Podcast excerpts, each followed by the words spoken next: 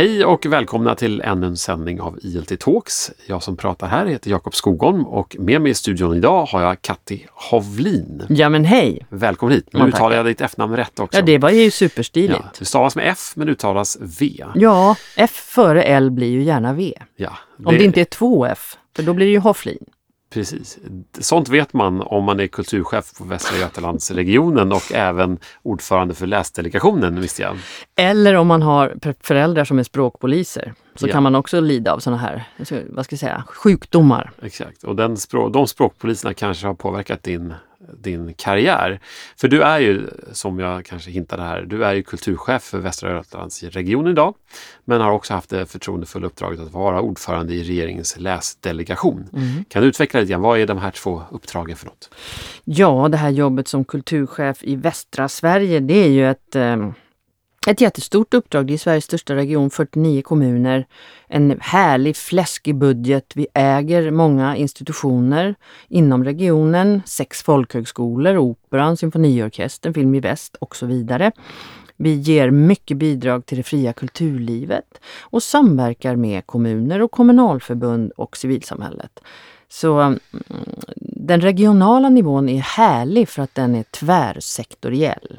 Alltså man jobbar med regional utveckling, med näringsliv, med folkbildning, folkhälsa, kultur och hälso och sjukvården och kollektivtrafik. Så det är liksom, det är mer hela samhällsbygget. Ja, Och det är inte så stuprörigt som det annars kan vara. Till exempel på statlig nivå, där de är väldigt stupröriga. Vi tycker om dem- staten, men de borde jobba mer över politikområdena.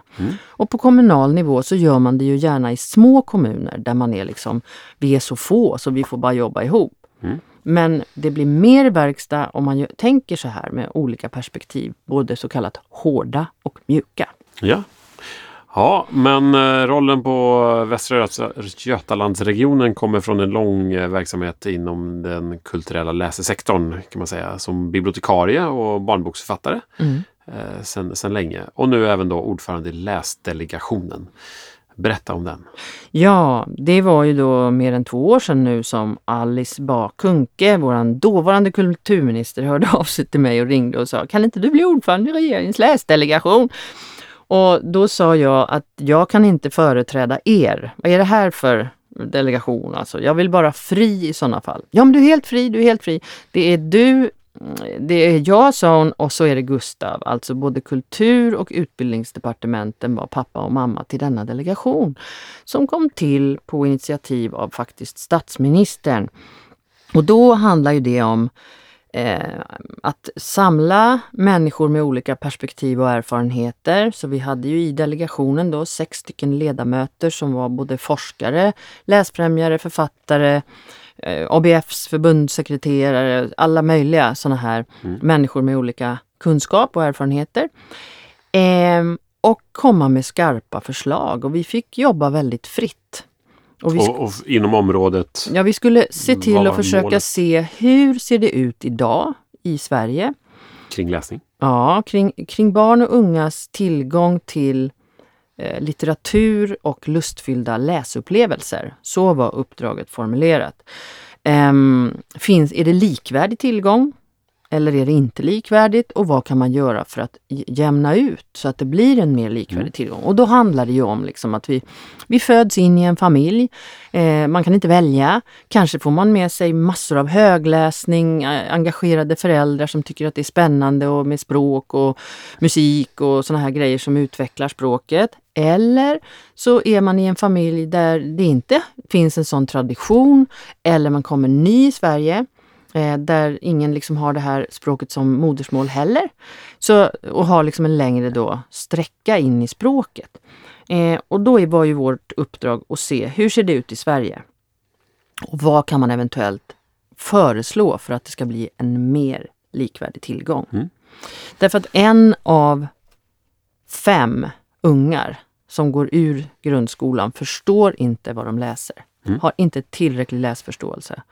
Och en av fem ungar i Västra Götalandsregionen går inte ut gymnasiet. Hörde jag just en färsk rapport om nu. Det här kan man liksom inte sitta och rulla tummarna och titta på. Nu är det ju så hårt också på arbetsmarknaden så att har man inte tagit gymnasieexamen så är det väldigt, väldigt svårt. Mm. Har man en lång väg. Det där kan man inte, det är liksom inte bara ett ansvar för individen och det är det vi gärna lägger på barnet. Liksom, hur ska du nå kunskapsmålen? Ser du kriterierna här? Vad kan du göra? Det är inte bara ett individuellt ansvar som gör, skapar psykisk ohälsa utan detta är ett ansvar för hela samhället. Och om en person liksom faller ur och man bara känner att jag kan inte, jag, har, jag är för dum i huvudet, jag är för dålig. Då är ju det så att säga en förlust för hela samhället och inte bara en personlig förlust. Och den här läsdelegationen har nu kommit med en rapport, eller det kom i somras förstår jag som, eh, där ni då också föreslår ett antal konkreta åtgärder. Ja, det gör vi. Utveckla. Ja, det är ju då, nu har jag inte dem i huvudet, jag har inte rapporten framför mig, men till exempel så föreslår ju vi eh, kompetensutveckling och läslyft för förskolepedagoger. Eh, läsning i förskolan och berättande överhuvudtaget, det kan ju vara med många tekniker. Det måste ju inte vara just högläsning, det är ett sätt, men man kan också berätta så här som du och jag står nu. Mm, man kan spela teater, man kan eh, jobba med, med att lyssna och så vidare. Och så vidare. Eh, men i förskolan så når man i alla fall 95% av alla barn. Och det vi så, såg i delegationen det var det här med tidiga insatser. För att om man missar här i början så blir det mycket svårare sen. Och då kan det också vara sånt som sekretessregler. Alltså, du vet man går på ja, sex månaders kontroll och ett år och tre års och fem års och så vidare. Och då identifierar man kanske här hos en treåring, här kanske det finns en liten språkstörning. Det är någonting man bör följa. Men För där handlar det ju inte egentligen om läsning Nej, i den inte eh, traditionella bemärkelsen, utan det, men redan där så, så påverkar man ju då barnens språkliga förmåga. Ja. Som, som sen... Och barnet har ju någonting med sig och så beroende på vad man får för stimulans och så vidare så går det ju mer eller mindre bra. Men säg att den här informationen inte följer med in i skolan, vilket den absolut inte alltid gör. Så när man börjar på sex års förskoleklass så är det inte säkert att den informationen finns. Den kan liksom, det kan vara så att just i det här landstinget eller så, så får man inte dela sån information Nej, med varandra. Ja, men du förstår.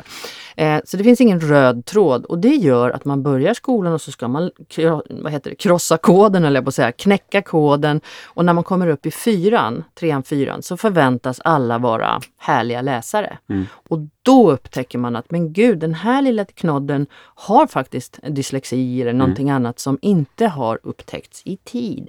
Och då blir det mycket längre startsträcka och då alla polarna har redan liksom, kan redan det här. Man kan liksom överleva under lågstadiet men sen blir det högre tempo. Man förväntas kunna läsa, man förväntas liksom ha en viss kunskapsnivå. Ja. Och det här har ju inte att göra med om man är smart eller dum, utan det är ju helt andra grejer. Det sitter ju inte där. Men man kan ju uppfattas som dum och känna sig väldigt dum Ja. om man inte förstår vad man läser. Men så en av åtgärderna är att, att föreslå bättre kompetensutveckling hos, hos eh, förskolepedagoger kring läsning. Och då föreslår vi att man ska involvera Läslyftet som ju har varit en väldigt lycklig satsning i skolan. Ja, och föra ner den i och, åldrarna. och den ska också finnas tillgänglig för förskolepedagoger.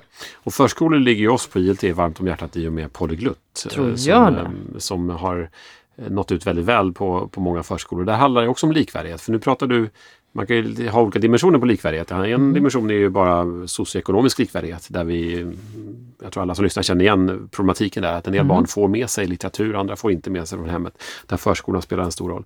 Men det har ju också en annan likvärdighetsaspekt som handlar om, om flerspråkighet Visst. och stimulans på sitt modersmål. Tittar ni även på det, på liksom de olika språkliga bagagen som barn har med sig? Absolut gör vi det. Ehm, och vi har inga konkreta förslag om det men vi sätter ju ljuset på att med det som har hänt under de senaste ja, egentligen 30 åren, men om man bara tar från 2015 så är det ju en stor förändring i Sverige med väldigt många som kommer med annat modersmål. Och då, det, det är inte något man liksom fixar på en liten stund utan det här är långsiktig satsning som man behöver följa och stärka och med många olika insatser. För att man både ska kunna behålla sitt modersmål och utveckla det såklart, men också komma in i det svenska språket.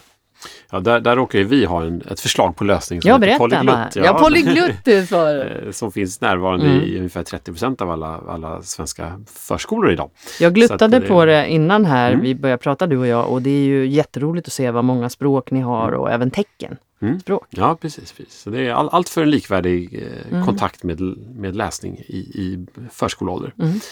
Men eh, kan du se ser du andra sätt som förskolan, eh, för att inte bara prata polyglutt, då, kan bli mer likvärdig när det kommer till, eh, till läsning och även den flerspråkiga aspekten? Ja, därför att man kan liksom inte se på det här på ett isolerat sätt. Nu råkar jag vara barn till en mamma som var förskolechef. Först blev utbildade hon sig till förskollärare och sen blev hon chef ganska snabbt. It runs in the family som vi säger på svenska, det här med att och liksom vilja ta ansvar och så. Och då minns jag typ, jag tror att det var 1976 eller 75, så skulle man gå från tre barn per personal till fyra. Min mamma var galen. Hon var på barrikaderna, hon demonstrerade. Det är ju helt sjukt. Det här kommer inte bli någon kvalitet ut- utan det blir bara en förvaring. Jag hade liksom eh, förmånen att få hålla ett litet föredrag för ett gäng f- 400 förskollärare och bibliotekarier som hade jobbat ihop i Jönköpings kommun under ett helt år med liksom kompetensutbyte. Och då liksom fan flög i mig så att jag ställde bara frågan, det här är väl ett par år sedan. Hur många barn per personal har ni idag? Det blir knäpptyst. 13 var första svaret. Ja, vi har 14 faktiskt. Mm. Och det kan också vara i en små barns... Alltså, det ser ju väldigt olika ut det här, men det säger sig ju själv. Att man hinner ju inte rimma och ramsa och leka och hålla på och sätta ord på allting i, med de enskilda barnen om man har en jättestor grupp. Då blir det ju mer hoppas att alla överlever. Så jag sa till dem, hur många är chefer här inne? För det var ju nästan bara kvinnor och då var det ett par killar och de var ju chefer. Så frågade jag, vet ni hur det här har gått till? Knäpptyst. Ja, det har blivit så här under de här åren för att ni har tillåtit det. Och jag fattar att man inte kan skuldbelägga själva pedagogerna. Men det finns en liten sjukdom i omsorg och skolvärlden och överhuvudtaget i det offentliga att man liksom, ja men nu får vi klara av det här också och nu är det där och nu får vi göra. Och så stegvis så har man förändrat så att på fritidsgårdar eller på förskolor så är det liksom egentligen ett väldigt svårt och kanske omöjligt uppdrag som man har. Och då måste man upp på barrikaderna igen. Ja. Så det är personaltäthet som är den... Eh, Oerhört viktigt. Lösningen. Tryggheten, relationen, att liksom också leka med språket. För det gör man ju i det dagliga. När man benämner vad man gör eller hur man känner eller hur, hur man tänker. Ja, ja men intressanta in, insikter. Och eh, nu hörde jag också att den här delegationens eh, resultat är en del av den vad är det? 73. Fyr, ja, fyrpartiöverenskommelse, eller är det fem Ja. partier? Jag har tappat räkningen. Eh, 73-punktsöverenskommelsen i alla fall. Ja, det är ju helt så Att, eh, fantastiskt. så era förslag kommer på något sätt bli verklighet. Ja, det kommer de. Är tanken. Mm. Jättespännande. Det måste kännas kul att ha utfor, utarbetat saker som faktiskt händer. Jag känner mig lite som en mamma efter förlossningen. Ja. Bebisen är född. Det låter bra. Men eh, därmed är nog vår tid slut. Eh, och jag ska tacka dig för att du kom hit. Eh, och tacka alla lyssnare som eh, har lyssnat. Och som vanligt så kan man komma i kontakt med oss via vår mejladress podcast inläsningstjänst.se om man har tips på andra ämnen ni vill att vi ska belysa i poddradion. Ehm, eller andra gäster som gärna borde få höras lite mer i eten. Eh, vi finns också på Facebook, eh, språkutveckling i förskolan med polyglutt om man vill prata polyglutt-saker. Eh, och glöm inte att abonnera på podden för att inte missa när vi släpper nya avsnitt. Men tack för att du kom hit. Tack så mycket.